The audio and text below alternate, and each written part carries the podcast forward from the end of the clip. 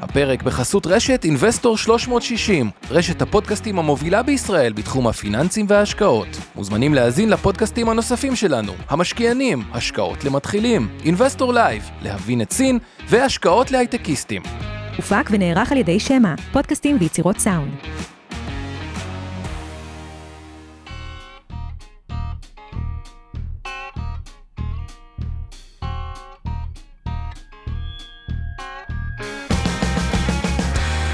המשקיענים אבנר סטפאק ועומר רבינוביץ' בשיחה חופשית על התחומים החמים ביותר בעולם ההשקעות.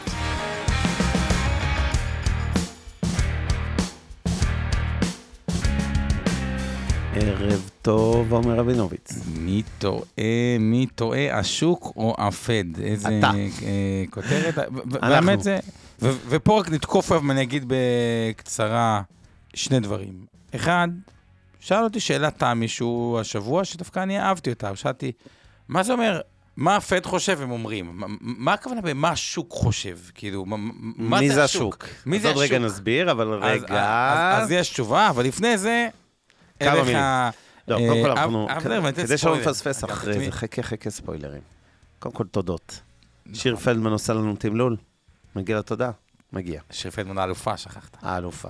אנחנו משודרים כמובן בכל מיני פלטפורמות, מהפייסבוק והיוטיוב וכולי, והכל באדיבותו של אורי טלדנו שיושב איתנו כאן משם הפודקאסטים. יש לנו את הצוות שלך שהכין חומרים כרגיל, אורן ברסקי, עמי ארביב ואור חלמיש.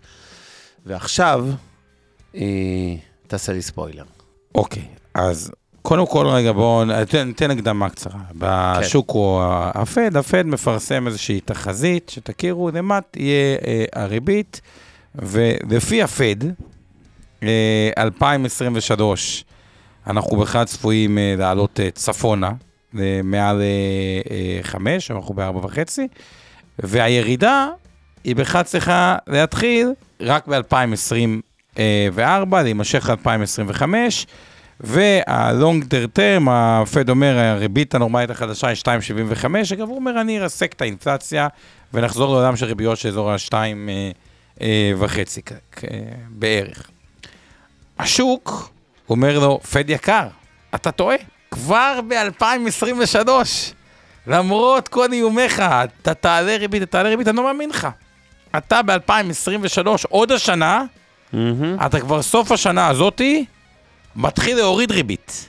זה מה שהשוק אומר. אנחנו נסיים את השנה על ארבע וחצי. כלומר, אם אתה מעלה עכשיו ריבית, זה עלייה לצורך ירידה, וכמובן, 2024, כלומר, השוק אומר, אתה תוריד את הריבית הרבה הרבה יותר מוקדם. שתי שאלות, אחד, למה זה חשוב? וזה מדגיש את הדבר הזה, כי אני רק אגיד, הריבית, אם היא יורדת יותר מוקדם, זה דרמטי. זה דרמטי פעם אחת, כי כל הפחד מקריסות נדל"ן ודברים כאלה, זה, זה, זה משחרר מלא לחץ.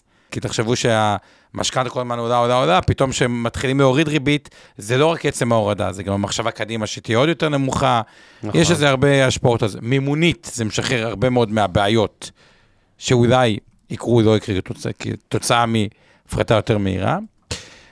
פעם שנייה, תמחורית, אם אתה משווה פיקדון שנותן היום, הבנתי בבנקים הישראלים, נותנים פיקדונות אה, דולרים בריביות טובות, אז פתאום על הריבית מקבלים פחות, אז נקודת הייחוס להשוואה לנכסי סיכון היא הרבה יותר אה, נמוכה, שזה גם דרמטי. ושתיים, איך אמר לי בן אדם? יש כל כך הרבה כסף בחוץ, אני חושב שבשנה שהפד יתחיל להוריד ריבית, השוק יעשה 100%. כשהוא אמר 100%, נראה לי הוא, הוא, לא התכוון ל-100%, למרות ששאלתי אותו, אתה מתכוון ל-100%? כן, הוא אמר לי, זה יהיה, מה זה אינפלציה? זה בסיס הכנסה יותר גדול. אם אתה מוריד ריבית, אתה החזרת את הוצאות המימון, כאילו פתרת את בעיית המימון.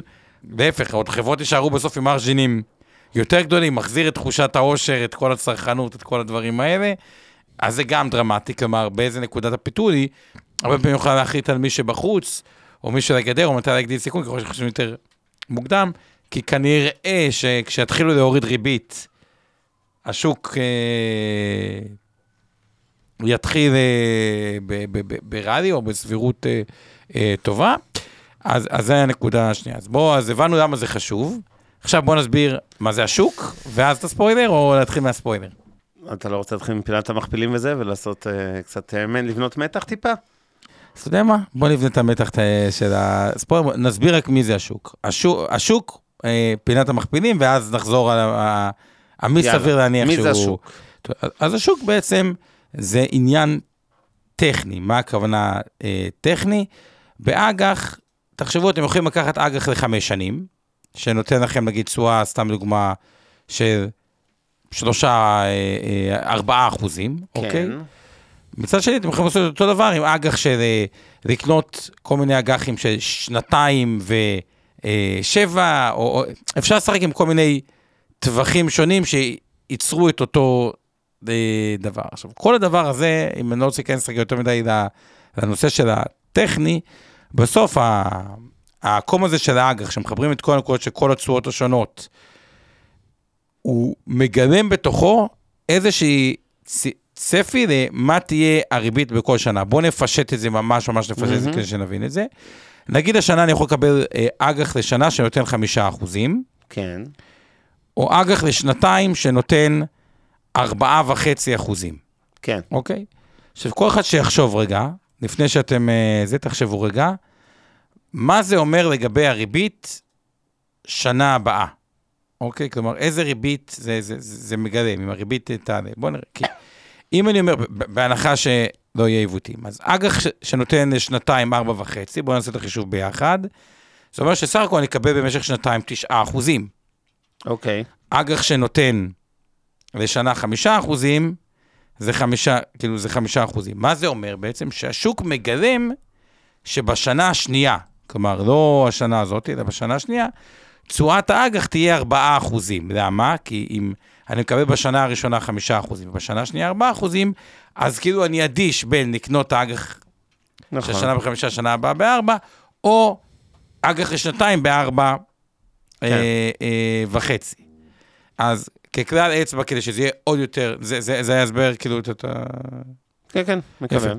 כן. אז כדי לעשות כלל אצבע שיעשה את זה יותר פשוט, ככל שאג"ח הארוך נותן תשואה יותר, או אותו דבר, או אפילו יותר נמוכה מאג"ח הקצר, מה שנקרא קום תשואות יורד, מהמם. כלומר, שאתם שמים כזה פיקדון לעשר שנים, הוא נותן פחות מפיקדון לשנה ברמה השנתית. זה מראה שהציפייה היא שהריבית תרד. מהמם. ככל שהקום תשואות הוא עולה, וגם עולה יותר תלול, כלומר שעל פיקדון ארוך אתם מקבלים יותר מהל פיקדון שזה צריך להגיד, קצר. המצב הנורמלי בשווקים, זה שאם נסתכל על קום התשואה, רק נסביר לרגע, כי זה טיפה, למרות שחלק גדול מהמאזינים והצופים מבינים את זה, אבל הקום התשואה, דמיינו גרף, שציר ה-X שלו זה השנים, 0 עד נניח 30 שנה בתיאוריה, והציר ה-Y זה התשואה לפדיון על האג"ח הזה שקניתם. אז לש... התשואה השנתית, 5, 6, 7, 11 אחוזים וכולי. באופן נורמלי, התשואה לפדיון של באמת 10 שנים, היא תהיה משמעותית מעל זאת של שנה, ועדיין מעל זאת של חמש ושבע וכולי. כלומר, אתם, תחשבו על זה אינטואיטיבית, אם היום היו, הבנק מציע לכם פיקדון לעשר שנים, מן הסתם הייתם דורשים, על זה שאתם סוגרים את הכסף ויש קנסות שבירה, הייתם דורשים תשואה הרבה יותר גבוהה פר שנה. למרות שזה לא המצב בפועל, צריך להגיד. היום לא, לא, באג"ח אני אומר, עשר זה, שנים, כן. לא, לא, אני מדבר מה, מה ב-90% מהזמן, איך, נכון. נראה את, אה, התשואה, אוקיי? הוא, עולה.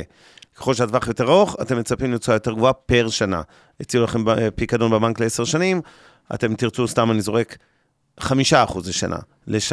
כן, כפול עשר שנים, זה יהיה, לא יודע, 60 ומשהו אחוז ריבית דריבית. אבל יציעו לכם את אותו פיקדון רק לשנה, יכול להיות שתסתפקו גם ב-2 אחוז. בסדר? כן. היום שתבינו מה זה ציפיות ירידת ריבית, אג"ח, תלכו לבנק, אה, אפילו, לפעמים חלק מהאנשים מקבלים פקדונות 5% דולרי, אני שמעתי אפילו יותר מזה, תלוי מיקוח, בשמונה שאג"ח ארה"ב לעשר שנים נותן 3.54. כלומר, הפיקדון לשנה נותן יותר מאג"ח, לעשר שנים ברמת להגיד, זה. גם לא רמת סיכון של אג"ח ממשלת אה, ארצות הברית, כן. רמת סיכון יותר גבוהה או יותר נמוכה? יותר גבוהה, כי זה בנק ולא כי זה ממשלה. בנק, כן, כן, כן, אבל נגיד, אתה יודע, אתה מנטרל את זה, אתה אומר... אה, אפילו אם זה היה, כן, אני אומר, זה רק מעמיק את ה... מעמיק. כן. כלומר, איך אנחנו יודעים ששוק מצפה להורדת ריבית? כשעל פקדונות שנתיים מקבלים תשואה יותר גבוהה מעל האג"ח לעשר שנים, שיכול להיות הוא עומד על 3.54, זה מראה שהשוק חושב שהריבית תרד דרמטית, ויש את הספוילר, מי טועה, הפד או השוק. אגב, זה יפתיע, לדעתי זה לא אינטואיטיבי כן, אה, אה, לאנשים. אבל לפני שנגיד את זה, בואו נדבר קצת על מכפילים. יאללה. לא, אז נגיד המכפילים, ארה"ב לא הרבה השתנה, ה-S&P העתידי, כן. אגב, שזה גם קצת מצחיק אותי, הנוכחי הוא 19.4, העתידי 17.4, כלומר עדיין יש, לא יודע, עוד לא עדכנו את כל התחזיות קדימה, כי הולכים לפי תחזיות אחורה, שכאילו ה- הרווחים יישארו אותו דבר, או אפילו יגדלו.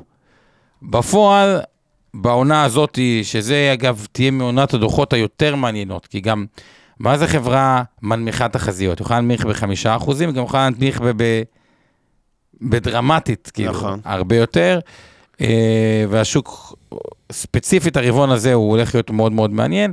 אבל אם נסתכל רגע על מכפילי רווח עתידיים, שלא בטוח שהם נכונים, השוק שם הוא ב-S&P נקרא לזה 17.4, נסדק 21.7, ראסל 2000, אה, 21.9, שמייצג תשואות רווח נקרא לזה אזור ה-5, הפיקדון הוא 3.54, תשואת האג"ח ל-10 שנים זה 3.54, מזה אגב נגזרת פרמיית סיכון, מה אה, הפער ביניהם, אז בנסדק זה 0.4, נותן כאילו המדד מעל... האג"ח. אה, אז עכשיו, אה, מעל האג"ח, וב-S&P 1.6. עכשיו, דבר אחד שאנחנו חשבנו עליו באינבסטור לאחרונה, שהוא טיפה מטריד אותי, אוקיי? שאני מנסה לחשוב תמיד לגבי, שמסתכל על השווקים, איך אני חושב עליהם. היום המדדים הם מאוד מאוד מאוד מרוכזות, כלפי המרוכזים, כלפי הגדולות. כלומר, מייקרוסופט, אמזון, גוגל וכו'. עכשיו, סתם, יש לנו לא מעט לקוחות הייטקיסטים, ואחד, שאלתי אותו, במה אתם עוסקים היום? הוא עושה, מה זאת אומרת? המנכ"ל, לא אגיד איזה חברה, אה, נתן את המשימה החשובה ביותר. מה המשימה החשובה ביותר?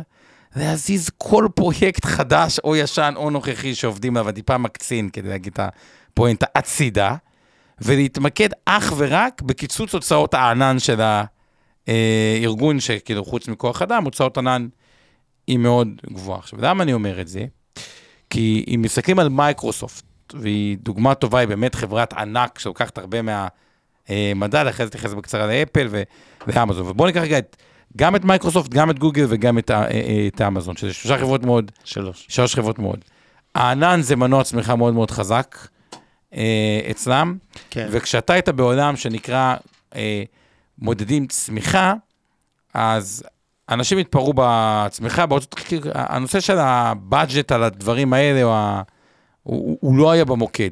כשאתה מסתכל על צמיחה רווחית, שזה העולם החדש שאנחנו מתמקדים בו, נכון. פתאום ההוצאות ענן, או בכלל הוצאות סופטוור וכל הדברים האלה, הם מאוד... אה, זה משקל, אה, אה, זה, זה, זה מקבל יותר משקל, ויש שם פוטנציאל לאכזבה, ונגיד זה הוצאות ענן, אם רוצים לקצץ שמה, זה כבר לא פוגע בחברה אחת. זה אפל, גוגל, מייקרוסופט, זה נכון. המון מתוך אה, אה, המדד. אה, אפל זה נושא אחר של ה consumer, מוצר, שוק שלעצמו במיתון יכול להיות, אה, אתה לא בהכרח מחליף אייפון, אתה יכול אולי טיפה לדחות את זה, למרות שזה ברנד מאוד מאוד חזק. ודווקא הריכוז הזה לגדולות, אה, יכול לייצר מצב שאם שמה מתחיל קצת אה, לג'עג'ע, אז ההפתעה יכולה להיות אפילו פחות ספציפית. במד... המדדים נורא התרכזו אליהם, זה היה העשור שלהם. אה, רק תראה. ציין את זה כאיזושהי נקודה. אני אגיד לך ככה, אם אנחנו מדברים על כל מה ש... כל התחזיות של הפד מול השווקים, הרי בוא נתמקד בשני פרמטרים שמשפיעים על כל המשוואה הזאת. אחד זה האינפלציה, והשני זה המיתון צמיחה וכולי. ברמת האינפלציה, אין לי ספק, אני אומר את זה כבר תקופה ארוכה, שהמחלה הזו מאחורינו. יש שהמפחדים שהיא תחזור, ויש מקומות בארץ שהאינפלציה מראש הייתה יותר נמוכה בהשוואה לעולם, היא גם יורדת קצת יותר לאט עכשיו, אבל יורדת, אוקיי? אז אנחנו נראה את זה, לא יודעים בחודש הקרוב, או חודש אחד אחריו כבר אתם תראו ירידה יותר משמעותית בקצב האינפלציה בישראל. וזה פרמטר ראשון שמשפיע על החלטות של נגידים לגבי הריביות, ופרמטר שני זה מיתון וצמיחה. ברור שאם היה מיתון אלים, חריף ומהיר, אז אין ברירה לנגידי הבנקים, אה, שבבסיס הם לא רוצים, הם גם אומרים את זה, כן? הם לא רוצים להוריד ריבית, להפך, הם כולם מתכננים עוד איזושהי העלאה בין רבע אחוז לשלושת רבעי אחוז, תלוי באיפה בעולם. אה, זה מה שהם משגרים, אה, נקרא לזה, למשקיעים. אה, אבל אם היה מיתון חריף, לא הייתה להם ברירה, לא משנה מה הם אמרו, תחזיות שמחזיות, הם צריכים היו אה, לעצור עם עליות הריבית, ואפילו יותר מהר לכופף את הריבית למטה חזרה, כדי להזרים דם למשק. ועכשיו השאלה מה יותר חשוב לנגידי בנקים, האינפלציה או המיתון? בוא נגיד את זה ככה, אני פסימי, אני אופטימי על האינפלציה ופסימי על המיתון. בסדר, נתחיל מזה. זאת אומרת, אני חושב שהשוק לא מגלה מספיק, לא השוק מבחינת מחירי המניות בהכרח, כי מחירי המניות חטפו מספיק גם למיתון שאני צופה, שהוא יותר חמור מהמיתון שהשוק צופה, אבל בגדול אני חושב שהדוחות הכספיים בארצות הברית ובישראל, של הרבעון הראשון והשני של 23, הולכים לאכזב אה, באופן יחסי לציפיות, וכל סקטורי הקמעונאות והנדל"ן, יחטפו, אני מדבר שוב בכלכלה הריאלית, בדוחות הכספיים, בביקושים, לא מדבר רגע על מניות הסקטורים האלה, כי אתם זוכרים את התזה שנתנו פה בסוף שנה, לפני כמה שבועות, שבעצם יכולה להיות שנה אה, די מחורבנת, סליחה, לכלכלה העולמית, אחרי שנה מעולה לכלכלה העולמית, אבל עדיין שנה טובה מאוד לשוק המניות. תמונת ראי של 22, שהייתה שנה טובה לכלכלה וגרועה למשקיעים בבורסות. אז לא להסיק תמיד, לא לבלבל בין כלכלה גרועה או פחות טובה, לבין אה, אה, בכלל שוק מניות זה, וזה המקום לתת, עכשיו אנחנו ככה בשיא כמות המאזינים והצופים, את, רק את הערת האזהרה השבועית שלנו, שכל מה שאנחנו עושים הערב, תקראו לזה בגדר חינוך פיננסי, הוא לא ייעוץ השקעות, לא תחליף לייעוץ השקעות המותאם לצרכי נכסי כל אדם בידי יועץ השקעות מוסמך, זו לא המלצה לביצוע פעולת השקעה כלשהו עם הימנעות מפעולה כזאת.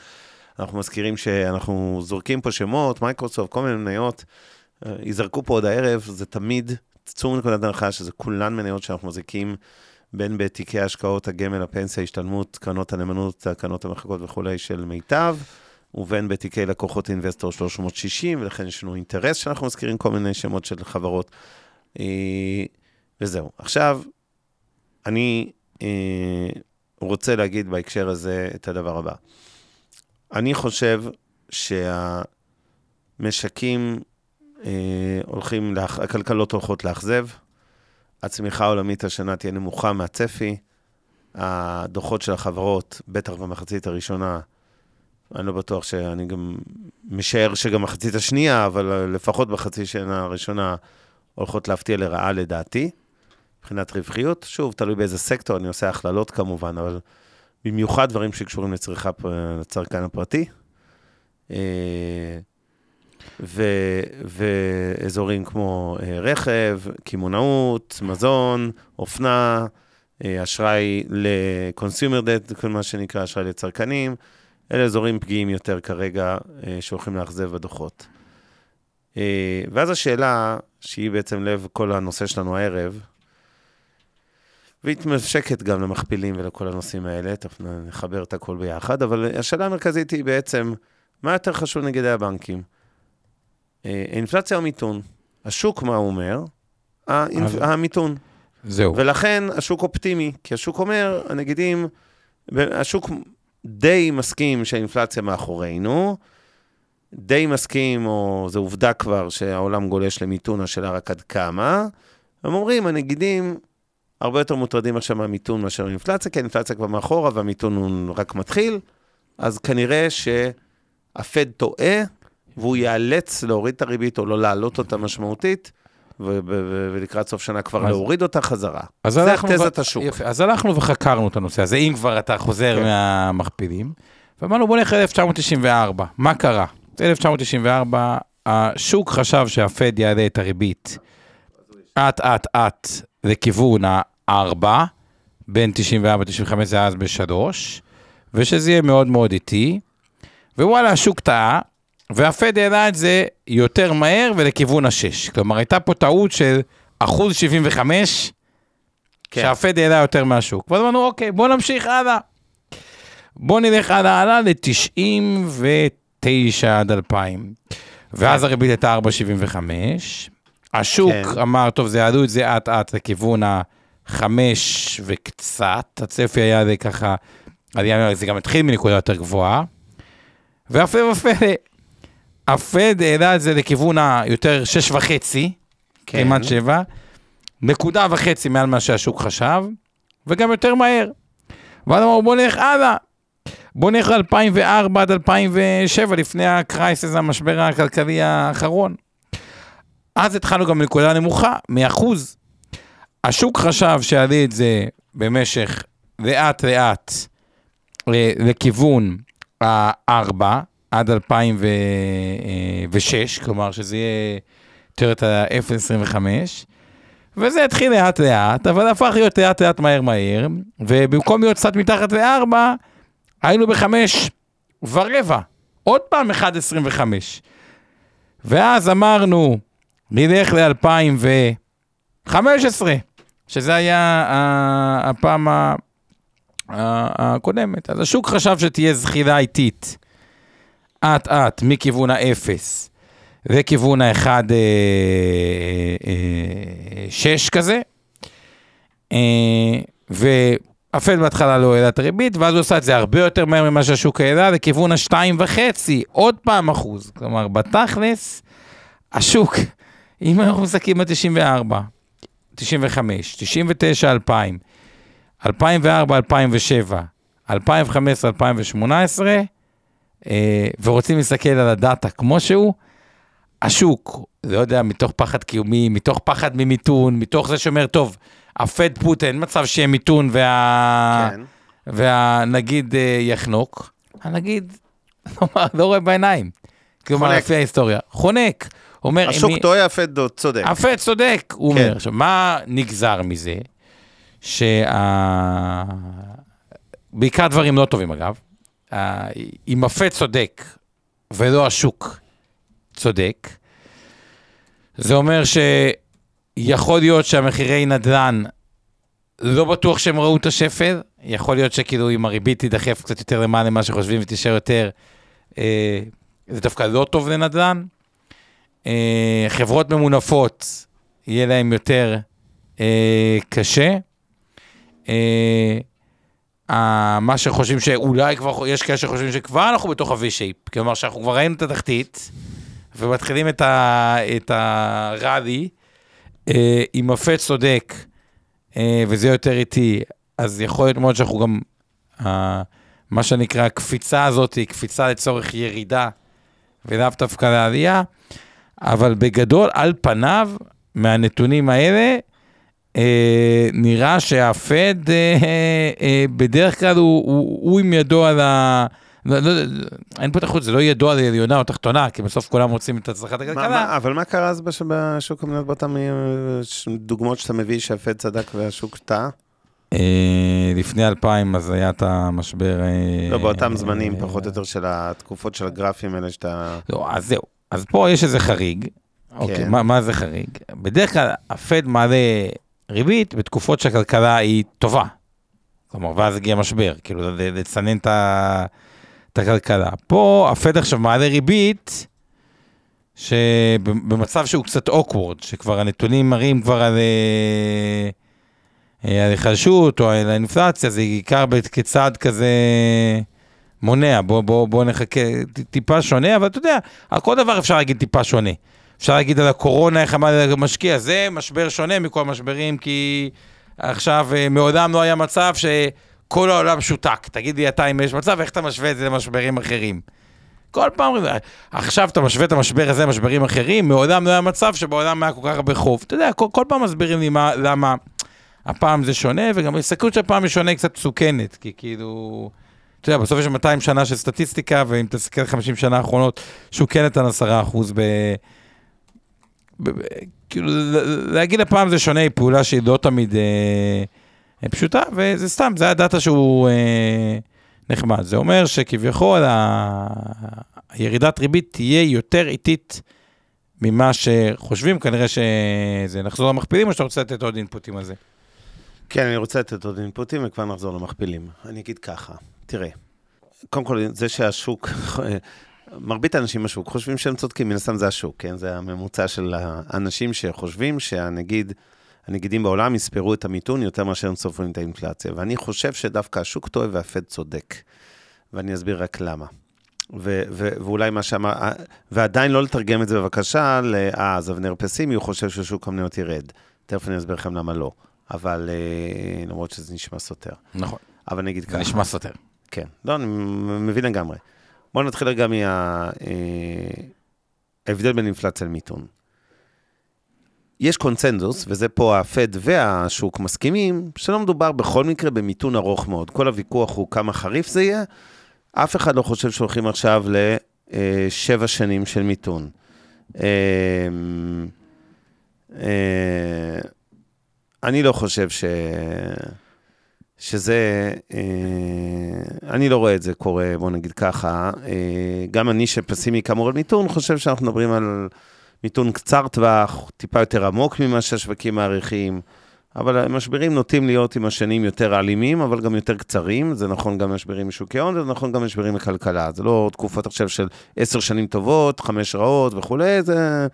הכל קורה מהר יותר בעידן המודרני. כן, אגב, יש איזה, הס- הסיבה, אגב, מי שרוצה להבין רק את הנושא של למה קורה מהר יותר, ובצדק, היא היום איכות הדאטה שיש לגופים, על הגופים עצמם, כלומר, היכולת של גוף להבין את עצמו, כלומר, להבין את זרם ההכנסות שלו, היא, היא אולי הגבוהה ביותר ב- ב- ב- בעידן המודרני. המערכות, כל הסאסיות האלה שעושים, אה, אה, הדאטה הוא הרבה יותר עשיר. מה זה אומר?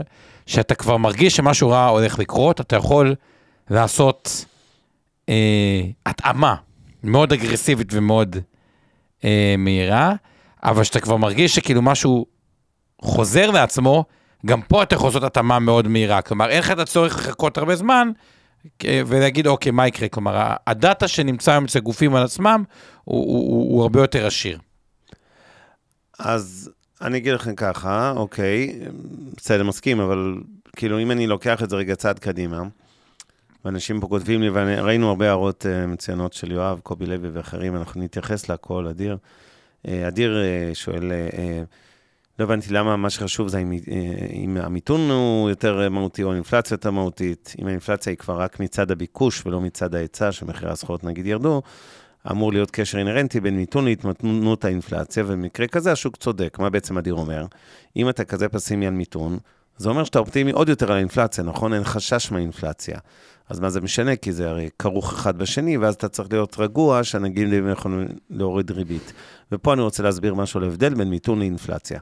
אינפלציה זו מחלה שנתפסת כהרבה יותר מסוכנת לשווקים מאשר מיתון.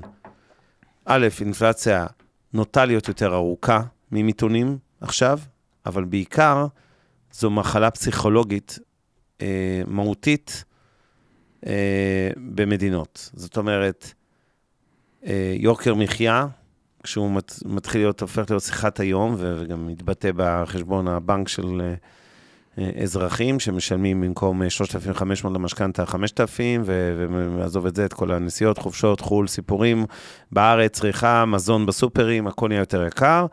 זה משהו שמפחיד נגידים הרבה יותר מהמחשבה שיהיה עכשיו איזה חצי שנה, שנה, אה, או שנה, אפילו שנה וחצי של מיתון.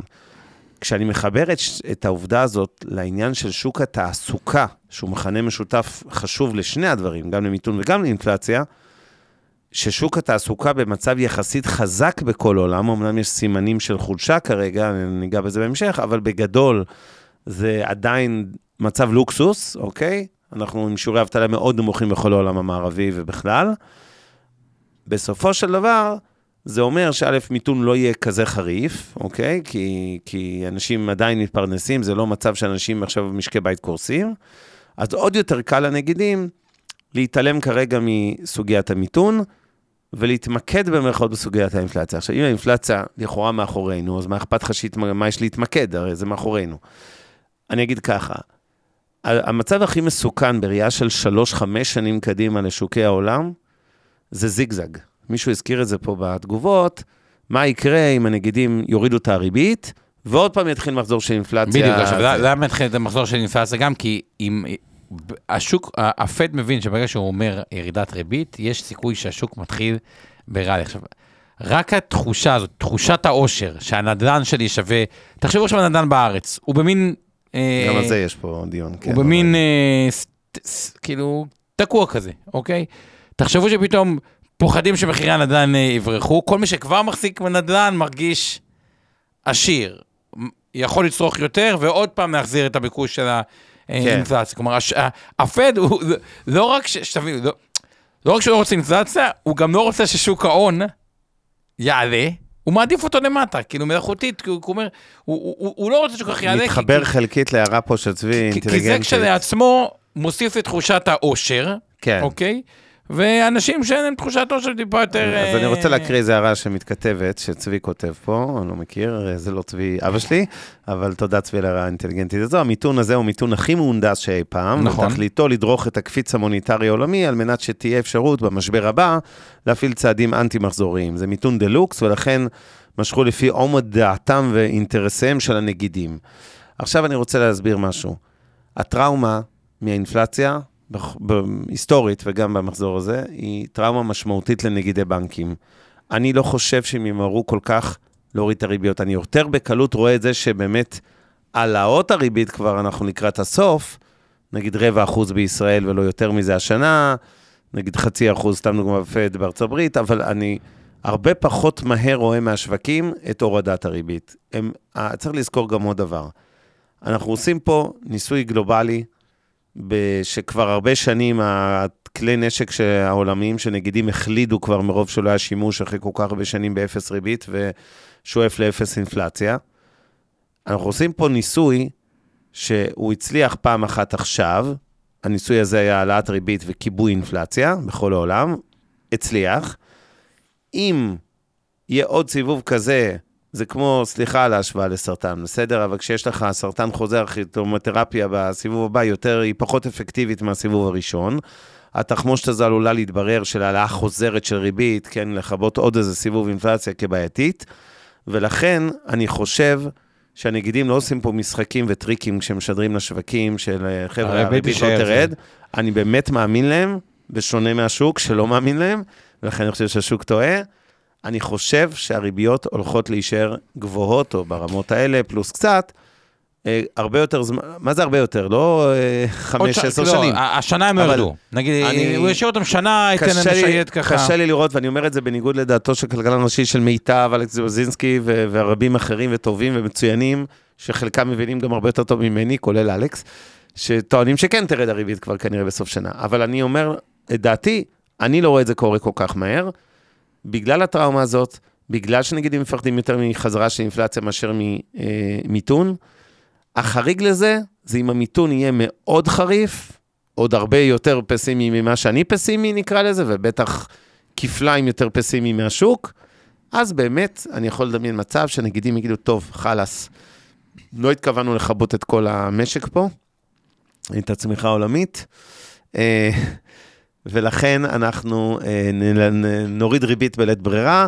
אני חושב שהם מעדיפים באמת שלא יהיה כזה מיתון חריף שיאלץ אותם להוריד ריבית, ו, והנושא של הורדת ריבית יהיה איטי, יתחיל מאוחר יותר ממה שהשווקים מניחים, וגם הקצב יהיה יותר איטי. זאת אומרת, אף אחד לא רוצה לחזור לסבב נוסף של אינפלציית 21-22, כולם יעדיפו להוריד אה, בקצבים הרבה יותר איטיים מהעלייה, נקרא לזה, של הריבית, אה, לדעתי, וזהו. עכשיו, איפה הבעיה רגע, פה רק, כן. במה שאבנר אומר? דבר. שעדיין, כאילו המניות חטפו, וזה לא באמת נכון לכולם, נגיד, קחו חברה כמו מקדונלדס, אוקיי? כן, מקדונלדס נסחרת היום במכפיל 27, אוקיי? זה מכפיל שהוא לא כזה נמוך, כאילו, עכשיו תחשבו שיש ריבית שהיא 5, כאילו מכפיל 27 הוא, הוא, הוא אפילו יקר, עכשיו מקדונלדס היא לא חברה קטנה, אז אומרים, אוקיי, מקדונלדס זה מקרה פרטני, בסדר, בואו נראה את נייקי. נייקי, שהיא גם לא חברה קטנה, אני מסתכל בחברות של 200 מיליארד דולר, אוקיי, אה, אה, נייקי. היא נסחרת במכפיל על 2024, על שנה הבאה, עכשיו היא 41, אבל אפילו על הרווחים של שנה הבאה שאמורים לגדול טיפה, של 32, שזה לא מכפיל כזה נמוך. עכשיו, הסתכלתי, אני חושב על, אה, שמעתי פודקאסט על אה, לוריאל והרמס, אז הסתכלתי אחרי זה על המכפילים שם בחברות, הם גם היו באזור ה-30. עכשיו, הנקודה היא כזאתי, כל החברות האלה, שכאילו אמרו, טוב, מקדונלדס היא חברה שהיא, היא הרי לא מסעדת יוקרה, כאילו, היא עדיין מסעדה שאמורים לאכול, כאילו, נחשבת אה, יחסית הזולה, גם במיתון לא אמורה להיפגע הרבה, אבל עדיין כשלעצמו, 27, הוא לא הולך יד ביד עם ריביות 5. כאילו, כן. זה... אבל אני רוצה להגיד פה משהו, וזה אולי יביא לשורה התחתונה שלי לגבי שוקי המניות, ולמה אני בכל זאת אופטימי על שוק המניות, למרות שנתתי פה תחזית פסימית על המיתון, ותחזית פסימית שנגזרת מזה, גם, על- לא נגזרת מזה, סליחה, תחזית פסימית על הריבית, למרות הפסימית שלי על המיתון, בגלל סיפור האינפלציה, כמו שאמרתי, הפחד מסיבוב חוזר, גם אם זה מאחורינו כרגע. למה אני בכל זאת אופטימי על שוק המניות? משתי סיבות. א', טכנית, אנחנו ברמה סבירה, לא סופר זולה, אבל רמה סבירה של מכפילים. ב', אני לא צופה מיתון של שנים, אלא שנה אחת אה, חריגה למטה לא צריכה, אה, כן, להשפיע עד כדי כך משמעותית לרעה על שוק המניות שמבוסס על היוון תזרים מזומנים קדימה. ג', אני לא אוהב להשתמש בסטטיסטיקה, אבל קשה להתעלם מעוצמת הסטטיסטיקה של, נדמה לי שהזכרנו, הראינו אפילו את הגרף הזה באחד המפגשים האחרונים, שב-50-70 שנים האחרונות, לא זוכר את המספר, כל פעם שהיו ירידות מהסוג שחווינו ב-22, כמעט ללא יוצא מן הכלל, ב-80, נדמה לי 17 מתשעה מ-20 שנים של, שבאו אחרי השנים השליליות האלה, היו עליות, ואפילו עליות חדות מלממוצע היה 15 או 18 אחוז בשנה העוקבת, כלומר כאילו ב-23. עכשיו, אני לא אומר, הסטטיסטיקה בסוף זה ממוצעים, ואנחנו עסקינן בשנה ספציפית, ויכול להיות שהיא גם חריגה לרעה. אבל שלושת הגורמים האלה, אה, קודם כל, אה, גורמים לי לחשוב שיש... אה, אה, זה בהחלט יכול להיות שנה טובה לשוק המניות, ואני אוסיף גורם רביעי. כל הדיון האינסופי הזה על רמות הריבית, אנחנו שוכחים דבר אחד. אבסולוטית, אי אפשר לדבר רק יחסית. אם הריבית עלתה מאפס, פי מיליון ל... לא יודע, 4, 5 אחוז, 3 אחוז, תלוי איפה, באיזה מדינה, אין לזה משמעות לפני הצעה. השאלה קודם כל, מהי הריבית האבסולוטית בעולם? והאם זאת ריבית גבוהה?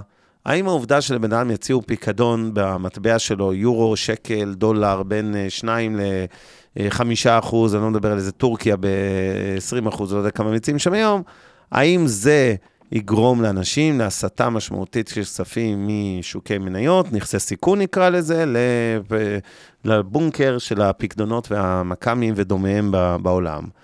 והתשובה שלי היא שלא. אני לא חושב שלא איגרת חוב של ממשלת ארה"ב בשלוש וחצי, ולא פיקדון בבנק במספר כזה או אחר, תלוי איפה בעולם. זה לא מספרים עד כדי כך. אם אנחנו מסתכלים על תשואת שוק המניות, שוקי המניות לאורך זמן, בטווחים הארוכים, הממוצע המפורסם של כל עשר שנים, שנע לרוב כמעט בכל עשור בין 8 ל-11 אחוז נטו לפני מס, ואחרי, זה בקיצור, רווח נטו לפני מס. השווקים הסולידיים, האפיקים הסולידיים, לא מספיק מתחרים משמעותית, הם כמובן בסיכון הרבה יותר נמוך, אבל, אבל גם לקבל שלושה אחוזים בסיכון מאוד מאוד נמוך, זה לא עד כדי כך אטרקטיבי בשביל לנגוס כל כך דרמטית ב-8 עד 10 אחוז, או לא משנה כמה, בשוק המניות, ולהסיט בצורה משמעותית כספים. אני רואה את זה אפילו במיקרו של ישראל בתעשיית קרנות הנאמנות, שסיימה כמובן שנה של פדי... פדיונות בקרנות המנייתיות בעיקר, וגיוסים, תלוי איפה, בכספיות וכולי. אז ברור שהמגמה של גיוסים בכספיות כרגע היא במלוא עוזה, בלי קשר, אבל לא יוצא כל כך הרבה כסף ממניות.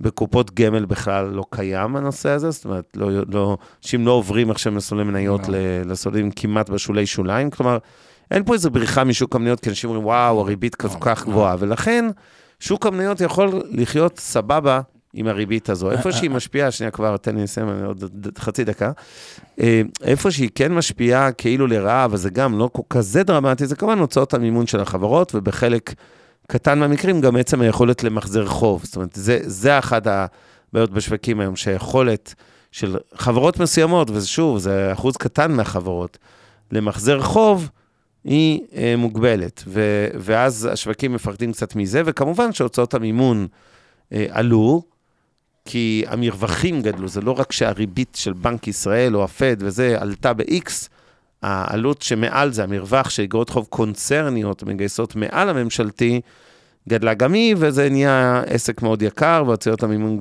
גדלו, הכל סבבה, אבל לא דרמה.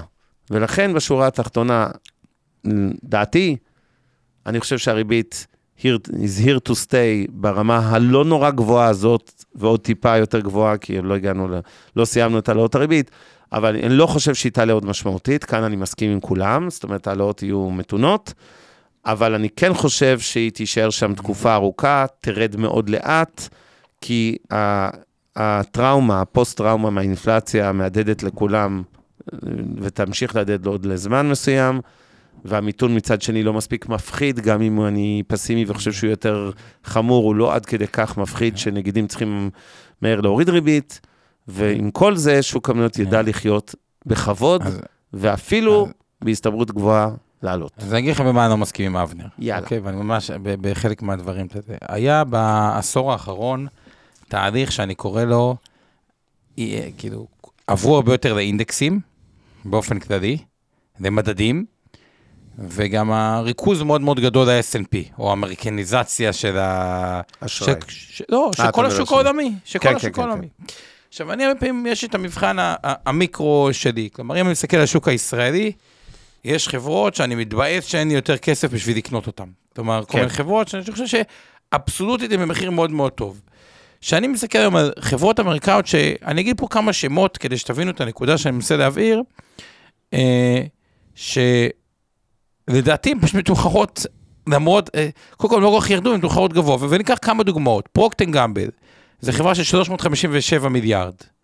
אינטואיטיבית, אתה אומר, וואלה, מצדיקה נגיד מכפיל 20, כן, חברה כזאתי, היא במכפיל 26 היום, זה לא כזה נמוך. נכון, מסכים אוקיי, איתך. קוקה קולה, אוקיי, והיא גם קרובה לשיא כל הזמנים. קוקה קולה, אה, חברה שבריאות גדולה היא לא מביאה לעולם, אבל בוא נגיד מותג חזק, גם Mm. בעולם של ריבית 5, נגיד, כן, מצדיק מכפיל 20, ב-25. כלומר, זה לא כזה מכפיל אה, זול. עוד חברה, לוריאל, כן. שאין ספק שלוריאל היא מותג מאוד מאוד טוב, וגם צומחת בהרבה שווקים. מותג שמנוהל טוב, אין לי מה להגיד. כאילו, לוריאל באמת מותג טוב. אה, לדעתי חברה אה, צרפתית. אם נסתכל על המכפיל שלה ב-2014, שהיה באזור השפל, היה 16, אוקיי, היום הוא מכפיל 50. זה לא כזה אני מסכים איתך. זול. אמרתי גם עכשיו, קודם, מחירים אז- לא, אז- הם אז סבירים, זהו. הם לא זולים. בדיוק, אז אני מסתכל על זה, ו- ואני אומר, את האסטרטגיה לא לפחות... בארצות הברית לפחות, כן. לפחות, עכשיו זה דווקא לא בארצות אה, אה, אה, הברית, ואפשר לתת ככה עוד כמה דוגמאות, ובכוונה לא הבאתי דוגמאות לחברות קטנות, אגב, יש גם חברות, כן. דווקא הטכנולוגיה חטף, אפשר לעשות שם debate מעניין, האם חטף יותר מדי, אבל גם פה, אתה יודע, מה, אפילו, לדעתי כן, חטף יותר אפילו שאני מסתכל כאילו על, על גוגל, אתה יודע, אני לא אומר, אני חושב שיכול להיות ש- שמפספסים הם נשחטים, אבל גוגל במכפיל 19 כבר עושה, אתה יודע, זה נשמע יותר נורמלי מקור כל במכפיל 25. כאילו, לוגית, אוקיי? אה, אבל גם, אה, וכל כך יכול אה, אה, להתווכח. הנקודה היא כזאתי, מבחינת אסטרטגיה, אני לא בטוח שמה שייתן את התשואה העודפת זה להחזיק דווקא את ה-S&P אה, בהטייה המאוד גדולה שלו על הפרוקטן גמבל, על המקדונלדס אה, וכו', וגם על הביג טקים בצורות שם, אני, אני חושב שכאילו אסטרטגיה, כל אסטרטגיה שהיא חוזרת לסופר back to basic של הכלכלה, שאומרת, קנה עסקים טובים, נדבר רגע על החלק המנייתי, למי שעושה לבד, או למי שגם אה, עושה מנוהל, או דרך מדדים. מהמם. קנה עסקים שעושים היגיון כלכלי. מה זה אומר? שאם הריבית היא 5, שהם יכולים לצמוח קצת אפילו, אבל במכפילים 15, 13, 17, 10, 6, אוקיי, דברים שכאילו הם make sense מבחינה כלכלית. כי אם יש דבר אחד ש... אה, תמיד היה אצלי, אבל הוא עוד יותר חידד אצלי במהלך המשבר האחרון, זה הנושא של back to basic, שדברים לא מתחברים, כלומר, שיש מניה, ואני אקח את לוריאל בתור דוגמה, מכפיל 50 או 40 בעולם של ריבית 5, או שיש לך חברה עם מכפיל מכירות 40 על המכירות, שזה בכלל אה, התנתק, אז לחזור לדברים שעושים היגיון מבחינה כלכלית, וזה לאו דווקא אותו תהליך של העשור האחרון, שזה ללכת לאינדקסים, שזה החברות הגדולות, שנתתי לכם את המחירים שלהם, והביג טק עם הבעיות שלהם. זהו, זה ה... אני רוצה להתחבר למה שאמרת ולהגיד עוד דבר.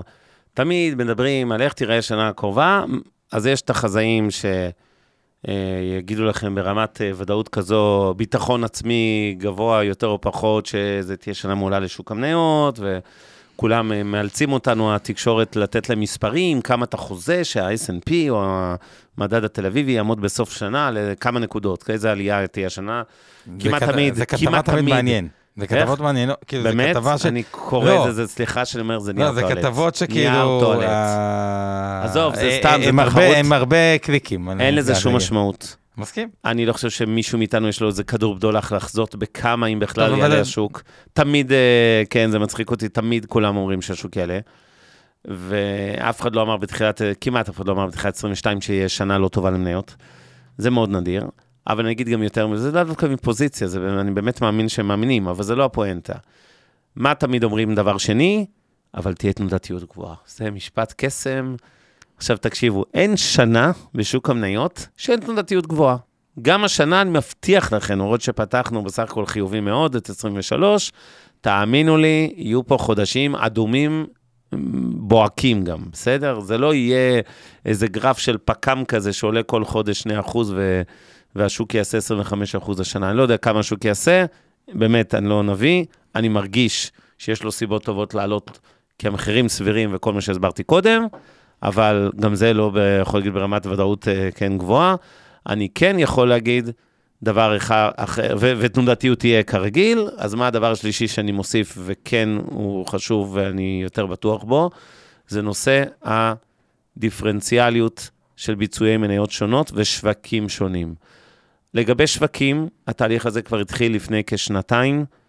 אחרי 20 שנות קורלציות מאוד גבוהות בין בורסות בתל אביב, ארצות הברית, אסיה, אירופה וכולי, הקורלציה הזו התחילה להתפזר חזרה. הדה-גלובליזציה חושב- הוא גם בשווקים. כן, בדיוק. אני חושב שזה זה שינוי אסטרטגי, זה לא משהו טקטי. השווקים הולכים ונפרדים בצדק, חזרה, אוקיי? אחרי 20 שנות uh, חיבור. שוב, הקורלציה עדיין תהיה חיובית כמובן, אבל היא תהיה יותר חלשה מאיך שראינו אותה בשנים האחרונות. אם נרד מרמת השווקים לרמת מניות ספציפיות, זה אפילו יותר חזק השנה. למה?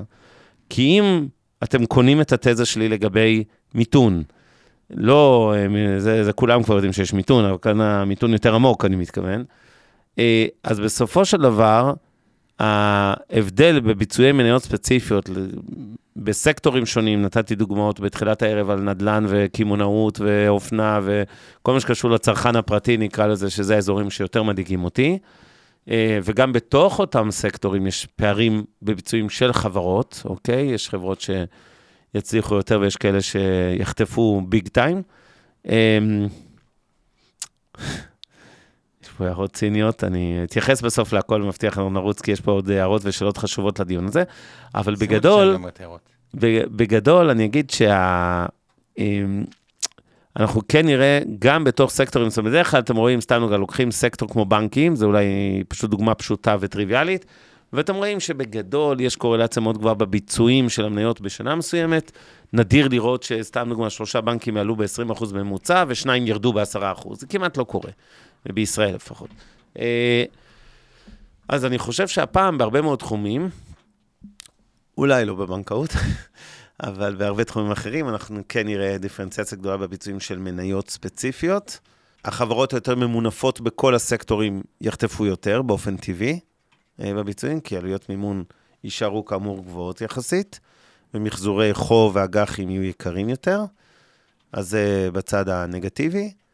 אה, ובגדול, הביצועים של החברות יהיו, אה, אה, כאמור, פושרים עד פסימיים, אבל מצד שני, כולם יבינו שזה משהו קצר וזמני, ולכן בכללי אני עדיין אופטימי על שוק המניות. עכשיו, אוקיי, אתה רוצה... לא, אז, אז בסיכום, רק דבר אחד שכאילו, אה, אז אם הכל נראה רע, וכאילו אומרים פה הרבה דברים שכאילו גם המכפילים כשלעצמם, הם עדיין לא אה, כאלה גבוהים, רק צריך להוסיף רק דבר אחד ואחרון למשוואה הזאתי, המיתון הזה, או החזרה, או שבעיקר הוא התחיל מזה שעליית משכורות של אה, עובדים, אה, אה, אה, בין היתר וכו', בסוף חברות יוצאות כאילו מחוזקות ממיתון, יותר מפוקסות, יותר כן, ממוקדות. יש פה תהליך, צריך להגיד, טוב, טוב שהזכרת לי את זה. סופר בריא. מי שגוגל לא עשה שם כלום, כי גייסו את העובד המ- המיותר, יעבור להיות עובד יותר נכון. יעיל באחת החברות הבריאות או הזה, שגם הם צריכים... אז אני רוצה אה, להזכיר כמה דברים אה, בהקשר הזה, כי אתה הזכרת לי טוב את נושא שוק התעסוקה, נגעתי בו בקטנה קודם, הוא בסך הכל במצב מצוין בעולם, אבל יש סימני חולשה. יש מעבר, אתם יודעים, בארצות הברית מדברים על, על שבוע, כן, גם השכר, גם הזה, זה לא ברמה ש... ואם נתעלם רגע מהשכר השעתי, שלא, כן, יש ירידה כרגע בקצב עליית השכר.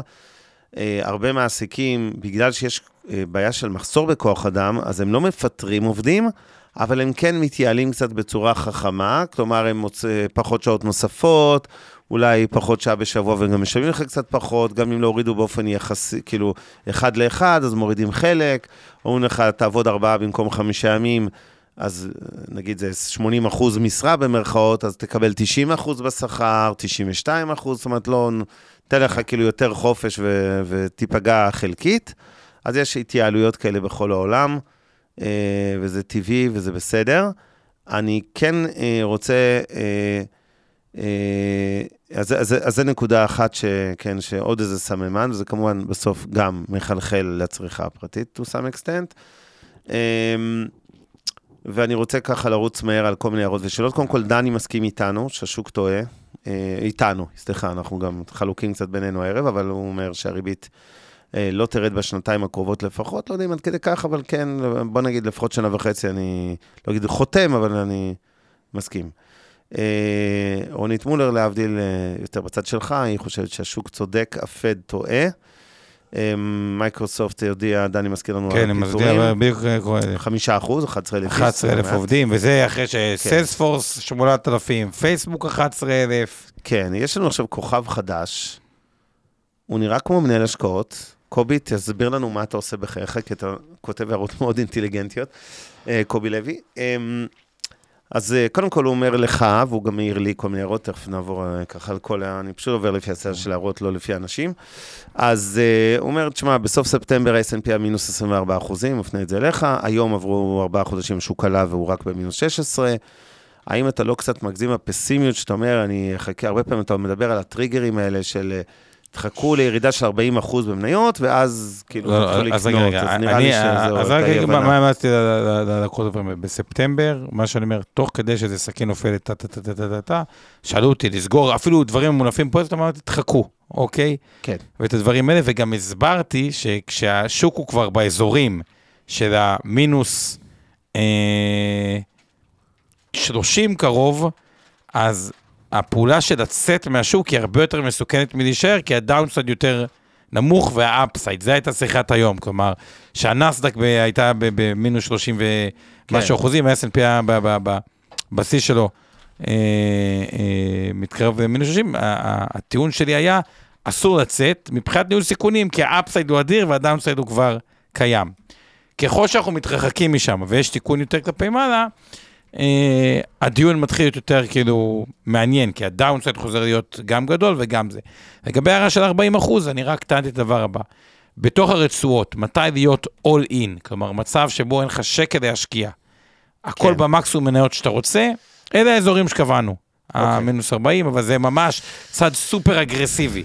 כאילו, המקסימום חשיפה שאין לך מה להשקיע, שאתה all in, זה, זה, זה הקווים, שזה באמת, okay. אוקיי. שזה קיצוני. כן. הלאה, קובי שואל, אה, אה, סליחה, לפני זה התחיל פה איזה דיון על, אה, אה, שצבי העלה דווקא, שחושב שבגלל אירועים גיאופוליטיים האינפלציה כן תחזור באמצע השנה.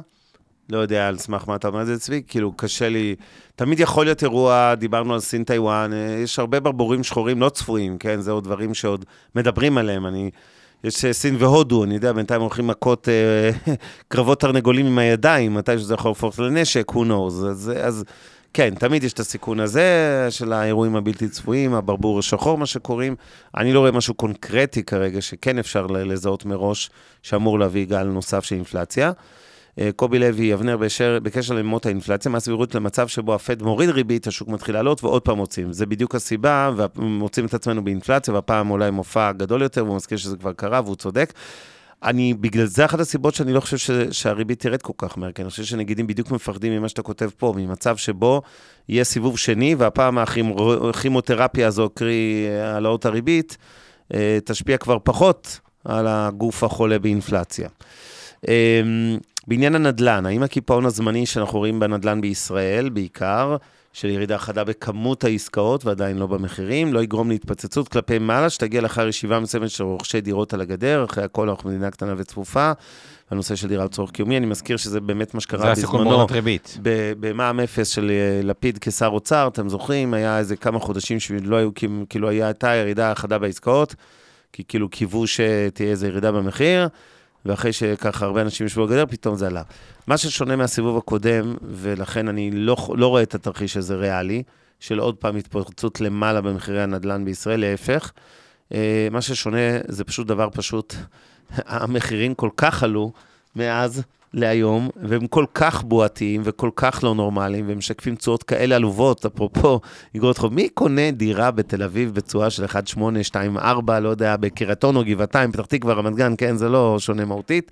וכשהוא יכול לקבל באג"חים של מדינת ישראל, לא אה, חברת אה, צ'מבלולו אה, אה, טרלולים בעם, יכול לקבל 3-4 אחוז. למה לעזאזל שבן אדם ילך לקנות דירה ב-2 אחוז, ו- ועוד להאמין שהמחירי הדירות אחרי 20 שנה, או לא זוכר כמה של גאות לא נורמלית, עוד ימשיכו לעלות מפה. אין פשוט מי שיכול, אין את הכוח קנייה הזה, זה- זו התשובה הכי בסיסית, אוקיי? אין היום את הכוח הקנייה. מי שהוביל את העליות האלה בשנים אני חושב שזו האחרונות, המלצה מסוכנת, מה שאתה אומר גורף, סבבה, אבל זה. פודקאסט אחר. זה של- אחר, אני רק אגיד שהייטקיסטים שהובילו את העליות של השנים האחרונות בנדל"ן, אה, מה לעשות, מצבם כבר לא כבעבר, יש גם פיטורים, זה לא דרמטיים, אבל יש פיטורים, בוודאי חלק גדול מהעושר הלך לפח עם קריסת המניות, כי זה היה מאופציות, לא רק ממשכורות, ואלה הרבה פעמים נהיו אופציות של בן אדם שהיה לו חצי מיליון דולר או שני מיליון דולר באופציות, ופתאום נהיה אפס עגול, אה, לא בדיוק חושב על לקנות דירה, אה, אז כך שאני חושב שהפעם זה רציני. אה, זהו. אה, יואב אומר, איך שוק המניות הגיב כשגילו שהפד צדק? אז אמרת שהיו חריגים, אבל בגדול אכזב יחסית בעבר. אמ, אגב, זו שאלה מאוד חכמה, אגב. כן. לא ציינו אותה, אבל השאלה כשאלה כשאלה היא שאלה אני מצוינת. ציטטתי אותו קודם, כן, כן, ששאלת כן, אותו. היא שאלה מעולה. אדיר לוי, אני חושב שאתם מדברים על פערי עיתוי מאוד קטנים. השאלה הגדולה היא מגמות גיאופוליטיות והלקח מהקורונה שמביא את הירידה במסחר הבינלאומי והתמחות של מדינות. אה, לחילופין, מביא לפיתוח יכולות ייצוא עצמאיות על חשבון יעילות ומחירים, זו מגמה שהולכת להישאר זמן ארוך, כי זו השפעה ארוכת טווח על האינפלציה. אה, קודם כל, אני מסכים עם ההערה הראשונה שלך, אה, שזה... הפערים הם פערי עיתוי, זאת אומרת, אין ויכוח על זה שהריבית לא הולכת לעלות משמעותית אה, מעכשיו קדימה, ואין ויכוח על זה שמתישהו היא תתחיל לרדת. אז זה, זה לא, כאילו, כביכול זה לא נורא משנה אם הריבית תרד בעוד שנה מהיום, או בעוד 18 חודש או 24 מהיום, אוקיי? ואם היא תעלה עד אז בעוד רבע אחוז, או בחצי אחוז, או ב-0.6. אני מסכים בגדול שזה פערי עיתוי, פשוט השווקים נוטים להיות עצבניים, כי הם, התחזיות האלה, הם, הרבה פעמים זה פערים לא קטנים, אה, הפערי עיתוי האלה, אבל, אבל בגדול אתה צודק. אין, אה, הפער בין השווקים ל- לפד, בכל המי צודק, מי טועה, הוא בעיקר בגדול פער של לדעתי באמת יותר פערי עיתוי מאשר פערי עוצמה, אוקיי? זאת אומרת, זה לא שהשוק חושב שהנגידים אה, אה, אה, הולכים להחזיר את הריבית לאפס, השוק לא חושב שהנגידים אה, יעלו את הריבית רק ב... מעכשיו לא יפסיקו לעלות והנגידים חושבים אה, שהם יעלו בזה. יש התאמה בין, ה... או בוא נגיד קרבה יותר גדולה בין השוק לנגידים, לגבי בכמה תעלה הריבית ובכמה היא תרד חזרה, והפער העיקרי הוא מתי זה יקרה. הלאה, אה, אנחנו לקראת הסוף, אנחנו ככה נתייחס לכמה הערות אחרונות. ממה שנאמר כאן, רונית כותבת לנו, וואו, כמה הערות היום, זה מדהים, זה כיף. נשמע שזה זמן טוב להשקיע בשווקים מתפתחים, והאם המכפילים טובים ויש צפי אה, לקפיצה. אה, אה, כן. נשמע נכון, את צודקת. ולא רק, יש הרבה מאוד חברות במכפילים טובים, אבל זה לאו דווקא הגדולות, זה לא המקדונלדס או פוקטינג גמבל, הקוקה קולה, שלדעתי דווקא, ספציפית הסגמנט הזה שמקבל משקל יתר, הוא הוא עם טיפה בעיה. אבנר, אתה רק אמרת לי להזכיר לך לפני זה לגבי השעה, אז רק... כן, הערה כן, אנחנו ממש. מסיימים. אה, אה, תודה לאורית הולד דנו שעושה לנו את הפודקאסטים, תודה לצוות שלך, עמי ארביב, אור חלמיש ואורן ברסקי. ארז מנשה, Thank you very much, כתבת לנו בסינית, אני מניח שזה היה פרגון, אני לא בטוח. כן. תודה דפני, תודה אביב סלומון וכל מי שמפרגן לנו פה. אה, רונית טוענת שאפילו כוח עליון לא יוריד את מחירי הדירות בישראל. לא נכון. אה, שר שיכון, טייקון נדל"ן, נראה לי הוא יכול להוריד את זה. אה, טוב, קובי, אנחנו יורדים מהשידור. יורדים מהשידור, תודה לשיר פלדמן גם, לילה טוב, תעשו טוב, זה חוזר ריבית דריבית, כמנהגו שאבנר אומר. תעשו טוב, זה חוזר עם ריבית, תזכרו את מה שאני אומר, אני אוכיח לכם את זה. תודה לך, אבנר, לילה טוב לכולם. לילה טוב. מעוניינים ללמוד יותר על עולם ההשקעות? האזינו לפודקאסטים נוספים שלנו. המשקיענים, אבנר סטפאק ועומר רבינוביץ' בתוכנית אקטואלית עם כל מה שחם בעולם ההשקעות. אינבסטור 360 לייב, אורן ברסקי ועומר רבינוביץ' מארחים את בכירי שוק ההון ומבינים את הטרנדים החשובים לשנים הקרובות. להבין את סין עם יובל ויינרב, עם כל מה שרציתם לדעת על הענקית מהמזרח. השקעות להייטקיסטים עם צח איציק, שיבנה איתכם תוכנית כלכלית להגשמת החלומות שלכם. והפודקאסט ההשקעות למתחילים, לכל מי שעושה את צעדיו הראשונים בעולם ההשקעות.